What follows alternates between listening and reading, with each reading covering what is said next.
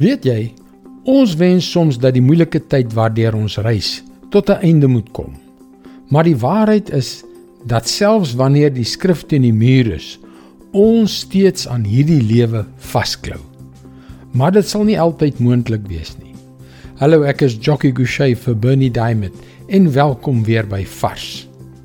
Ons klou dikwels onbewustelik vas aan ons huidige omstandighede sonder om dit te besef en ten spyte van die feit dat dit besig is om ons uit te mergel, raak ons verstrengel in ons omstandighede.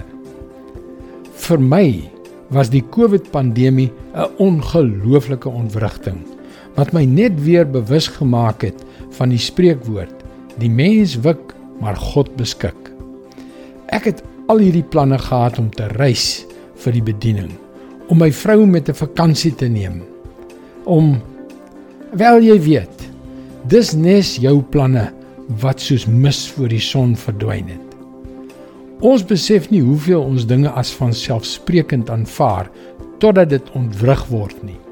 Maar my vriend, daar is 'n groot ontwrigting op pad. 'n Baie baie groter ontwrigting as COVID. 2 Petrus 3 vers 10 en 11. Maar die dag van die Here sal so onverwags kom soos 'n dief. Dan sal die hemele met 'n groot gedruis verdwyn.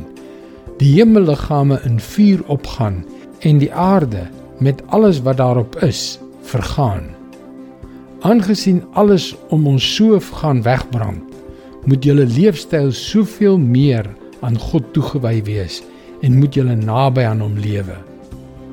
Dink net, baie groter as COVID. Of jy daarvan hou of nie, die Here kom terug.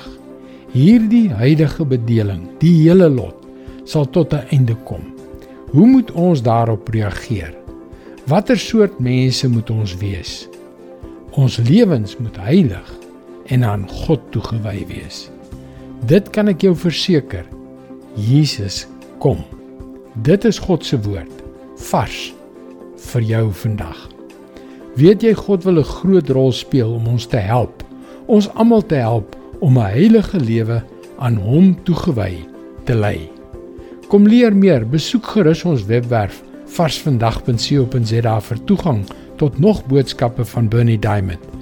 Sy boodskappe word reeds in 160 lande oor 1300 radiostasies en televisienetwerke uitgesaai.